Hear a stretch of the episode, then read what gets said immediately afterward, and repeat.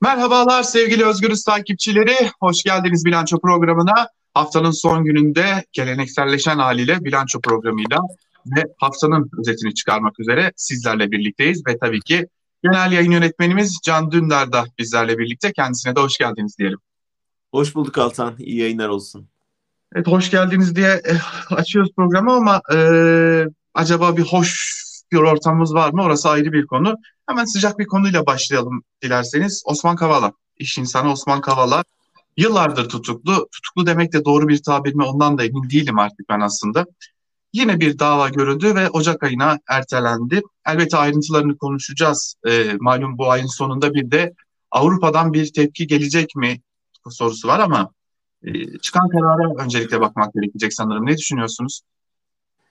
Valla yani esir yani sen de dilin varmadı belki tutuklu diye diyorsun ama Osman Kavala e, Erdoğan'ın sarayında esir alınmış durumda ve e, ne hukuk ne adalet talebi ne Avrupa'nın e, yaptırım tehdidi ne işte muhalefetin sözleri e, Osman Kavala'yı çıkarmaya yetmiyor. Ortada delil yok, hukuk yok, kanıt yok, tanık yok. Bir e, Erdoğan'ın kafasında bir şey var. E, Soros beni devirmeye çalıştı. Bunun içinde Osman Kavala'yı kullandığı e, ön yargısı var ve o yargı yüzünden dört yıl aşkın süredir yatıyor Osman ve e, şimdi yani bütün dünya Türkiye bu esiri nasıl kurtarırsın derdinde yani e, sembol bir dava Erdoğan için olduğu kadar tabii hepimiz için sembol bir dava e, ve bu öfke bu kin bitmiyor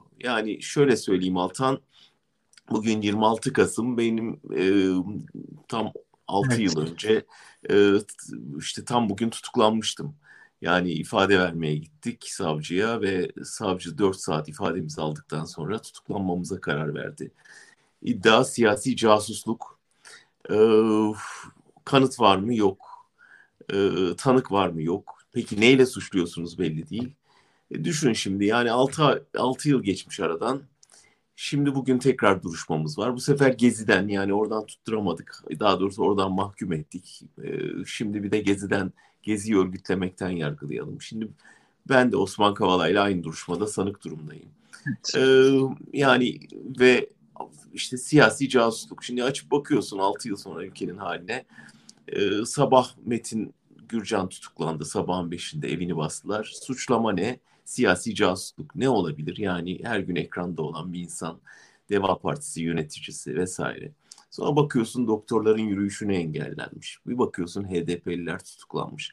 Bir bakıyorsun işte e, Gezi davası aynı şekilde iki ay atıyor. Bir bakıyorsun Türkiye'ye yaptırım gelecek şimdi 30'unda Avrupa Konseyi toplanacak.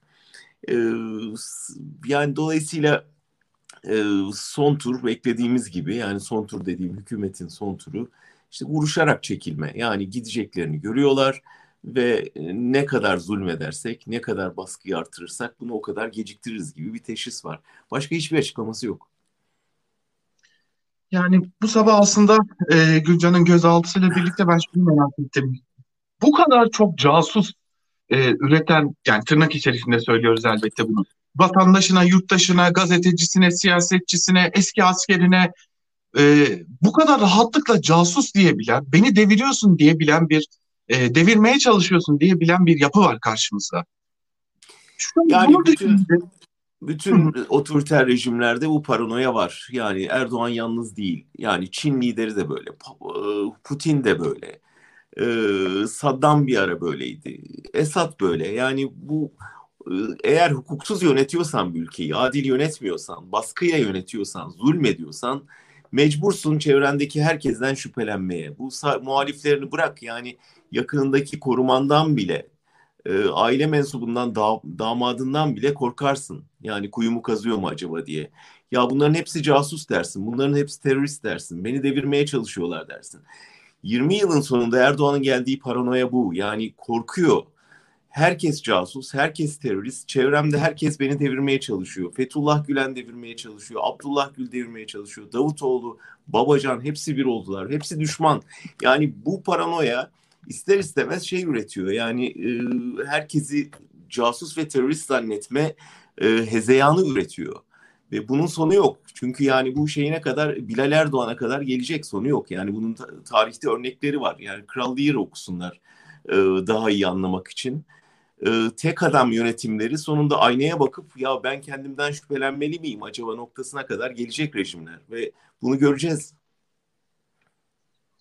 Peki şimdi e, biraz da şunu sormak istiyorum. Osman Kavala'nın e, Avrupa'dan gelen, şimdi evet elbette ki çekingen davranıyorlar. Aman biz bir şey yapmayalım siz kendi içinizde halledin gibi bir tavırları da var ama bir yandan da Osman Kavala'nın tahliye edilmemesi acaba diyorum.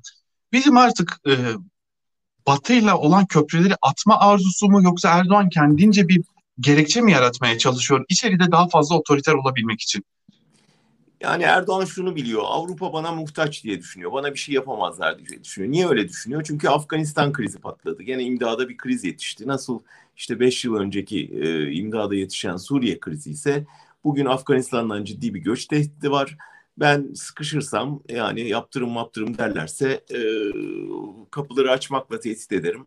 İşte göçmen korkuları ortada bunu kullanırım diye düşünüyor. Onun rahatlığı içinde açıkçası Avrupa'da e, şunun sıkıntısını yaşıyor. Ya biz hukuk devleti dedik, Avrupa İnsan Hakları Mahkemesi dedik, standartlar getirdik. Buna uymayanlara yaptırım kararı vereceğimizi söyledik. Şimdi Erdoğan diye bir vaka var karşımızda. Hiç bizi takmıyor, Avrupa hukuk vesaire dinlemiyor, İnsan Hakları Mahkemesi'nin kararlarını hiçe sayıyor. Şimdi biz tükürdüğümüzü yalayacak mıyız? Yani e, bütün bunları göre göre sırf e, bizi tehdit ediyor, şantaj yapıyor diye Erdoğan'a boyun eğecek miyiz? Yoksa e, kendi hukukumuzu, ilkelerimizi mi savunacağız? Bunun cevabını 30'unda göreceğiz. Muhtemelen bir ara yol bulmaya çalışacaklar. Hem Türkiye'ye yaptırım kararı için kararda olduklarını gösterip hem zamana yaymak gibi vakit kazanmaya çalışacaklar. Avrupa'nın bugüne kadar yaptığı bu. O yüzden Avrupa'dan yani Türkiye'ye bir hayır bekleyenlerin çok beklememelerini tavsiye ederim ama Türkiye kendi iç dinamikleriyle bu işi çözecek. Tam da o zaman belki de iç dinamikleri konuşma zamanıdır e, diyelim ve gelelim en önemli başlığımıza. E, ortada kaldıysa tabii ki bir ekonomi. Şimdi bir yanda sadece birkaç saat içinde hatta bir saat içerisinde yüzde on beşten fazla değer kaybettirilen diyeceğim bir Türk lirası söz konusu. Dövizin her gün yeni bir rekor kırması söz konusu, zamlar söz konusu, sokağa yansıyan isyanlar söz konusu. Bir diğer yandan da e, Milli Güvenlik Kurulu'ndan gelen bir açıklama söz konusu. Şimdi bunları ayrı ayrı konuşmak gerekecek elbette ki. Gelelim en öne ilk başlığımıza. E, AKP bir ısrar halinde. Biz bir şey uyguluyoruz diyor adeta. Herkes, AKP'li herkes biz yeni bir yöntem uyguluyoruz. Bu yöntemle bütün bağımlılığı azaltacağız diyor. Ekonomi tezlerinde yer almayan bir şey uyguladıklarını belirtiyor. Ee, Erdoğan başta tüm ekonomi kurmayları ne uyguluyor olabilirler ya da neyi amaçlıyor olabilirler? Zengin olmayı amaçlıyorlar. Yani artık bu lafı çevirmeyelim. Yani ortada bir beşli çete var. Devleti sömüren ve ondan beslenen vampirler güruhu var. Ve bu vampirler güruhu de, devlet de, bunlara dolarla borçlandığında e, dolarla kazandıkları için e, doların her artışında daha fazla zenginleşiyorlar. Ve artık herhalde hiçbirimizin şüphesi yok ki bunlar saraya bir şekilde dönüyor. Yani bir ortaklık söz konusu. Ve buradan zengin oluyorlar. Yani bu, bu aleni artık ve bu para dışarı akıyor. Yani Türkiye'de de tutmuyorlar büyük ihtimalle. Ve ülkeyi yöneten sürekli vatandaşına yastığınızın altında ne varsa çıkarın bana verin diye her gün bir, bir çağrı yaparken bir yandan kendi servetine servet katlıyor. Ee, artık burada ekonomi politikası falan düşünmemek lazım. Burada artık hakikaten halkının yoksullaşması pahasına zenginleşen bir güruh var ve Türkiye şu anda bundan nasıl kurtulacağının e, şeyini hesabını yapıyor. Ben bugünkü e, Abdülkadir Selvi'nin yazısını e, okuyunca ha dedim şey e, görmeye başladılar. Çünkü orada diyor ki Selvi yeni bir durumla karşı karşıyayız. Neymiş yeni durum? Erdoğan bugüne kadar yoksulların e, yoksullara sahip çıkan lider olarak e, kendini ortaya koymuş ve o sayede iktidar olmuş. Yeni bir durum varsa bu ne demek? Erdoğan yoksullardan koptu ve e, şimdi bütün bu acı reçete halka kesilecek ve halktan kopuk yeni bir işte e, sadece zengini kollayan bir lider görüntüsü sunuyor. Bu yeni bir durum dediği yani gideceğiz. Bunu görüyorlar. Şimdi sokağa yansımaya başlayan bu ses daha gör, gür çıkacak. Yani her gün hükümet istifa e, sözünü ne kadar nerede yükselirse bastırmaya çalışacaklar. Onlar bastırdıkça bu ses başka yerden yükselecek. Ee, Kılıçdaroğlu öfkeliydi basın toplantısında gördük yani açıklama yaparken. Bu öfke de ister istemez büyüyecek. Yani ve sonunda e, işte Demirtaş'ın içeriden yaptığı çağrıya e, geldiler. Yani mitinglerle bunu cevaplamak yani vatandaşı sokakta polisle karşı karşıya yalnız bırakmamak. Dolayısıyla bir parti olarak şimdi e, mitinglerle bir e, kendi tepkilerini örgütlemeleri gerekecek. E, iktidar bunun korkusuyla bugün e, Mersin mitingini yasakladı. Daha doğrusu meydana izin vermedi. Şimdi CHP'nin burada alacağı tavır önemli. Bu, bu ses yükselecek. Yani burada bu kadar canı yanarken insanlara biz senin canını yakıyoruz ama bağırma demenin e, imkanı yok. Bir yere kadar susturabilirsin. Bir yerden sonra artık o acıyla bağırıyor insanlar. Bu ses daha yükselecek ve bu, bu e, yani önümüzdeki yıl gerçekten hem Türkiye için hem hepimiz için zor bir yıl olacak ama e, gidişat bütün verileriyle gösteriyor ki aslında aynı zamanda kurtuluşun yılı olacak. Şimdi tabii bu arada ben çok çok dikkat çekici buldum MGK bildirisinde ekonomiyle ilgili bir e, cümlenin olması ve ekonomiye dair tehditler olduğuna. AKP'ye göre az önce bahsettik işte bir ekonomide yeni bir dönem uygulanıyor ve e, bu nedenle de dışarıdan içeriden bir takım tehditler var ve düşünün ki bu Milli Güvenlik Kurulu e, bildirisine dahi giriyor. Bugün Meclis Plan Bütçe Komisyonu da Cumhurbaşkanlığı bütçesi görüşü diyor. E, artık son günü komisyon görüşmelerinin ve Cumhurbaşkanı Yardımcısı Fuat Oktay da oradaydı. Fuat Oktay'a da e, bütün muhalefet temsilcileri şunu sordular. Milli Güvenlik Kurulu'nda böylesi bir cümleye ne gerek vardı? Siz burada neyi kastediyorsunuz biçiminde sorular yöneltiyorlar. Biz artık burada bütçeyi eleştirirken ya da ekonomiyi eleştirirken biz bir tehdit mi olacağız diye de soruyorlardı. Yani e, askeri vesayete ilişkin çok eleştiriler yapan, çok değinen AKP e, şimdi bakıyoruz ki askerlerin de katıldığı bir toplantıda ekonomiye ilişkin böyle bir tespit yapıyor. Artık askerlerden bahsedemeyiz. Milli Güvenlik Kurulu tamamen e, Erdoğan'ın kendi atadığı e, askeri ve sivil bürokratlardan oluşan bir bir tür alt komite özelliğinde. Yani eski Milli Güvenlik Kurulu toplantılarıyla kıyaslanmayacak e, bir, bir şey bence. Dolayısıyla Erdoğan ne derse onu not alıp kamuoyuna e, açıklıyorlar e, ekonomik tehdit altında olduğunu düşünüyorlar. Çünkü bütün bu ekonomik krizin Erdoğan'ın saçma sapan tezlerinden kaynaklandığını kabul etmiyorlar. Kötü yönetimden kaynaklandığını kabul etmiyorlar. Dünyada büyük lobiler var. Onlar Erdoğan'ı devirmeye çalışıyor. O yüzden bu oyunu bozacağız. Yani işin altında yatan o. Bunu da bir güvenlik tehdidi olarak görüyorlar. İşte biraz okursan yandaş medyayı ya da yandaş e, kanallarda tahammül edip birkaç kişiyi dinlersen bunu teze sahip çıkan bir sürü e, kendini akademisyen diyen teorisyenler görüyorsun. E, dolayısıyla Milli Güvenlik Kurulu da bu saçma sapan tezlerin peşine takılmış durumda. Yani normalde yatırım yapacağı Apple yatırım yapacağı bir ülkeyi, mal sattığı bir ülkenin niye yok etmek istesin? Şimdi ekonominin gidişatını durdu, üretimi durdurdu. Yani e, şimdi Erdoğan'ı devirmek için mi durdurdu? Niye yani mal satmak varken bunu durdursun? E, dolayısıyla diyorum ya paranoya, paranoya o kadar teslim aldı ki şu anda Erdoğan o odadan buna koşturup yani o açıklamayı yaptırıyor, bunu tutuklattırıyor, onu serbest bıraktırmıyor. Milli Güvenlik Kurulu'na böyle açıklama yaptırıyor. Gerçekten sarayda sıkışmış bir despotun çaresizliğiyle karşı karşıyayız. Ve bundan sonra her hamleyi beklemek lazım. Yani köşeye sıkışan bir e, despotun ne yapacağını bilemeden bütün tuşlara bastığı bir Türkiye manzarasında karşı karşıyayız. Şimdi bir yanda herkes konuşuyor ekonomiyle ilgili. Konuşması gereken biri var. E, kendisi Hazine ve Maliye Bakanlığı koltuğunda oturuyor. Yani en azından biz oturduğunu düşünüyoruz. Pek kendisinden haber alamıyor olsak da. E, Lütfü Elvan'dan bahsediyoruz. Lütfü Elvan ben yayına girmeden önce de sosyal medya hesabına bir bakındım şöyle neler paylaşmış acaba diye. Erdoğan'ın tweetlerini retweet etmekten ve başsağlığı dileği yayınlamaktan başka hiçbir şey yok. Ülke yangın yerinde. Ama yardımcısı Nebati ise dün adeta bir manifesto yayınladı. Ve artık kentin adı bakanlık için geçiyor. E, bu bir defakto durum da söz konusu sanırım. Ne dersiniz? Bu, bu çok ilginç bana göre. Yani Altan şunu düşünüyor insan ya hiç mi utanmıyorlar? Yani yarın çocuklarının, torunlarının yüzüne nasıl bakacaklar? Ben o yangında e, kapıyı çektim, oturdum, istifamı verdim, kabul edilmedi. Utanıyorum ama söyleyecek lafım yoktu. E, yani bu, bununla nasıl yaşayacaklar bu insanlar? E, yani bu kadar korkaklıkla, bu kadar e, emir eri olmakla, bu kadar aslında e, bir yangının hem nedeni hem seyircisi olmakla bu utançla nasıl yaşayacaklar? Bu Kavala hakkında bu kararı veren bugünkü o iki hakim galiba birinin e, karşı oyu var. E, yani gerçekten bunlar çok inandıkları için mi yapıyorlar bunları? Yani bir ideolojiye inandılar, bir tarikata inandılar, bir lidere tapınıyorlar, onun için mi yapıyorlar? Para mı alıyorlar, rüşvetle mi yapıyorlar? Ruhlarını mı sattılar?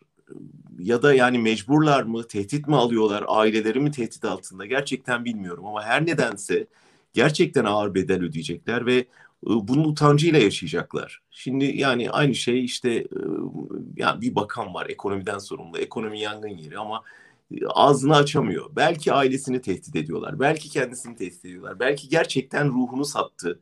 Belki gerçekten de bir şeyler söylemek istiyor ama başıma ne gelir diye korkuyor. Bilmiyoruz ama çok önemi de yok artık. Çünkü tek adam rejiminde artık ekonomi bakanının, artık hakimin, artık bir savcının hiçbir önemi yok. Yani ülke bir kişi tarafından yönetiliyor ve bizim şu anda karşı karşıya olduğumuz sorun o bir kişiden nasıl kurtulacağı bu ülkenin.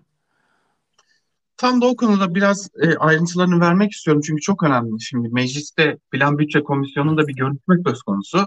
E, Türkiye'nin 2022 yılındaki bütçesi görüşülüyor. Yani ne kadar harcanacak, kime ne, ne kadar verilecek hangi kuruma diye. Bugün görüşmeler çok önemliydi dedik çünkü az önce de aktardık. Şimdi orta vadeli bir program hazırladı AKP iktidarı. 2022 yılında uygulanabilecek bir önünü görebileceği bir program hazırladı. Ve o vadeli programa, orta vadeli programa göre deniliyor ki efendim dolar 2022 yılında 9 lira 27 kuruş olacak. Ve biz de buna göre bir bütçe hazırladık, meclise getirdik. Ama bakıyoruz şu sıralarda dolar 12 lira. Ve şimdi geldiği gibi geçme durumuyla da karşı karşıya bütçe. Muhalefet temsilcileri bugün çok yoğun bir şekilde talepte bulunuyorlar. Çok ciddi bir açık verecek bütçe, çok ciddi sorunlarla karşılaşacak. Gelin bu bütçeyi gözden geçirelim diye. Fakat bunun karşısında e, talimat alındı çok belli. Bir an evvel görüşmelerin sonlandırılması isteniyor bütçe komisyonunda. Bunu şundan sormak istiyorum size. Bu bütçe 2022 yılında Türkiye'yi yönetecek paranın miktarını da ortaya koyacak. Biz yarı yolda kalabiliriz. Bu ısrar niye? hiçbir önemi yok Altan. Yani e, iktidarın artık ne yapacağını, ne yapmaya çalıştığının çok önemi yok. Yani önemli olan gerçekten e, muhalefet burada ne tavır alacak? Yani bir, e, nasıl kurtulacak bu iktidardan, ne yapmayı düşünüyor? İki, daha vahimi bu iktidar devrildikten sonra ne yapacaklar? Gerçekten tam takır bir bütçeyi ve çok ağır bir borç yükünü devralacaklar ve vatandaşa ne yazık ki önerebilecekleri gene onların da acı reçete olacak. Yani çok ciddi bir şekilde bunun hazırlığını yapmak lazım. Ve ben emin değilim yani şu anda e, bir stratejileri var mı? Yani işte vatandaş aniden bu gece sokağa dökülürse onlara evlerinize dönün dışında verebilecekleri bir vaat, öğüt var mı? E, mitingleri yasaklandığında peki biz de alternatif olarak şurada yapacağız mı diyecekler yoksa vaz mı geçecekler? Deva Partisi liderinin açıklamasını biraz önce okudum. Son derece ürkek. Yani e, hukuk hukuk arıyorlar. Yani hukuku artık arıyoruz demek bile yani ayıp. Yani bizlere ayıp. E, bunu siz görmüyorsanız zaten kim görecek? Ne hukuku arıyorsunuz? Neden gidip yani şeyde e, göz altında olduğu yerin kapısında durmuyorsunuz? Neden insanları bir araya getirip e, yani sadece aile ziyaretiyle yetiniyorsunuz? Yani bu bugün sana başka yarın e, başkalarının e, yöneticilerine sonra size kadar gelecek sıra. O yüzden yani e, çok daha kararlı ve birlikte dayanışma içinde tavır almak lazım. Ses yükseltmek lazım. Böyle mırıldanarak dur bakalım çare arıyoruz diyerek vesaire çözüm bulunamaz ve dediğin gibi yani bütçe gelecek yıl neyle karşı karşıya olacağımızı çok açık gösterdi bize. Asıl buna büyük hazırlık yapmak lazım. Ben komplo teorilerini pek sevmem ama o bunu sorarak bitirmek istiyorum. Çünkü Ankara'da bu teori çok konuşulmaya başlandı. Şimdi malum HDP'li belediyelere kayyumlar atandı. 2016 yılında atandı. Daha sonra HDP seçime girdi. O belediyeleri e, yeniden kazanmak gibi bir durumla karşı karşıya kaldı. Şimdi burada şunu sormakta e, fayda görüyorum. O belediyeler kazanıldığında HDP'li belediyeler, belediye, HDP'li belediye başkanları o koltuğa oturduklarında çok ciddi bir borç yüküyle yani tam anlamıyla belediyenin yönetilemeyecek hale geldiğini ve e, artık işlerin sürdürülemeyecek hale geleceğini gösteren bir borç yüküyle karşı karşıya kaldılar. Ve iddia ki, oydu ki e, kayyum yönetimleri bunu bilerek yaptılar ki e, HDP'li seçilmişler o koltuğa oturduğunda e, yönetemeyecek hale gelsinler. Yani HDP'li belediyelere atanan kayyumlar e, belediyeleri o kadar büyük bir borç yüküne soktular ki böylelikle e, yönetemeyecek hale getirsinler diye. Şimdi bunun acaba HDP'li belediyelere uygulanan bu yöntem diye, şimdi ülke geneli için uygulanabilir e, görünüyor mu? Yani ya da AKP bunu mu yapmak istiyor? Yönetilemeyecek hale mi getirmek istiyor ülkeyi? Yani benden başkası yönetemesin. Asıl amaç bu anlaşılan. Yani e, ben iki şeyleri kaldı. Bir, ben nasıl yönetirim, iktidarda kalırım. Çünkü bugüne kadarki yığınak 20 yıl öncesine kadar biz nasıl iktidar oluruz diye. Şimdi nasıl iktidarda kalırızın hesapları. Ve bununla paralel olarak da öbürlerine nasıl iktidarı vermem min hesapları. Ve bu ikisi el ele yürüyor. Bir yandan işte polis yığınağı yapılıyor, bir yandan baskı artırılıyor, bir yandan işte doktorların yürüyüşünü orada engelleyelim, burada CHP'nin mitingini engelleyelim, orada Deva'nın yöneticisini tutuklayalım, burada Osman Kavala'yı içeride tutalım, Avrupa'da ıı, şantaj yapalım mültecilerle. Yani bütün bunlar e, zulmederek iktidarda kalma mücadelesi. E, aynı zamanda da ya muhalefet toparlanıyor, bir araya geliyorlar, biz bunları nasıl böleriz? nasıl bir arada e, olmalarını engelleriz ve nasıl yönetemez hale getiririz? Elbette bunun hazırlığı yapılıyor. Bu yani önümüzdeki süreç gerçekten kazılmış çukurlar, çukurlara konmuş mayınlar, mayınları aşınca uçurumlarla dolu çok zorlu bir süreç geliyor Türkiye'de muhalifler için. Çok büyük hazırlık yapmak lazım, yığınak yapmak lazım, savunma e, stratejileri geliştirmek lazım. Sonra da sonrası için ciddi taktik adımlar örgütlemek lazım. Umarım muhalefet liderleri bir araya gelince bunları konuşuyorlardır. Çünkü eğer konuşmuyorlarsa gerçekten işimiz zor demektir. Bugün Cuma günü, Cuma günü e, Osman Kavala'nın tutukluluk halinin devamına karar verildi. Zaten bakanın koltuğunda oturmadığını da biliyoruz artık. E, kapatırken do, e, saati de söyleyelim biz Cuma günündeyiz ve 16.33 sıralarında e, dolar kuru 12 lira 33 kuruş seviyesindeki bugün gün içerisinde %3'e yakın bir değer kazandı dolar Türk lirası karşısında. Euro yine 13 e, lira 95 kuruş seviyesindeki 14 liraya gelmek üzere. E, bu bize AKP'nin inadının e, ya da iktidarın Erdoğan'ın inadının ülkenin başına getirebileceklerinin kısa bir özetini de sunmuş oluyor diyebiliriz sanırım. Sevgili Can Dündar, bugün böyle bitirelim isterseniz. Ne yazık ki iyi şeyler konuşamıyoruz ama iyi şeylerin habercisi e, belki de e, bu yaşananlar diyebiliriz belki de. Evet öyle dileyelim ve yani her zamanki temenniyle bitirelim. Bir arada durduğumuz sürece bu, bu zorluğun da üstesinden geleceğiz. Yani e, ve ben yine de her şeye rağmen e, bu karanlıktan çıkmak üzere olduğumuzu düşünüyorum. Sancılı bir final olacak ama sonuca yakınız. Aman umudunuzu eksik etmeyin diyelim tüm izleyicilerimize ve dinleyicilerimize. Haftaya bilanço programında tekrar görüşmek üzere diyelim. Size de teşekkür ederiz. Çok sağ olun. Ben teşekkür ederim. İyi yayınlar.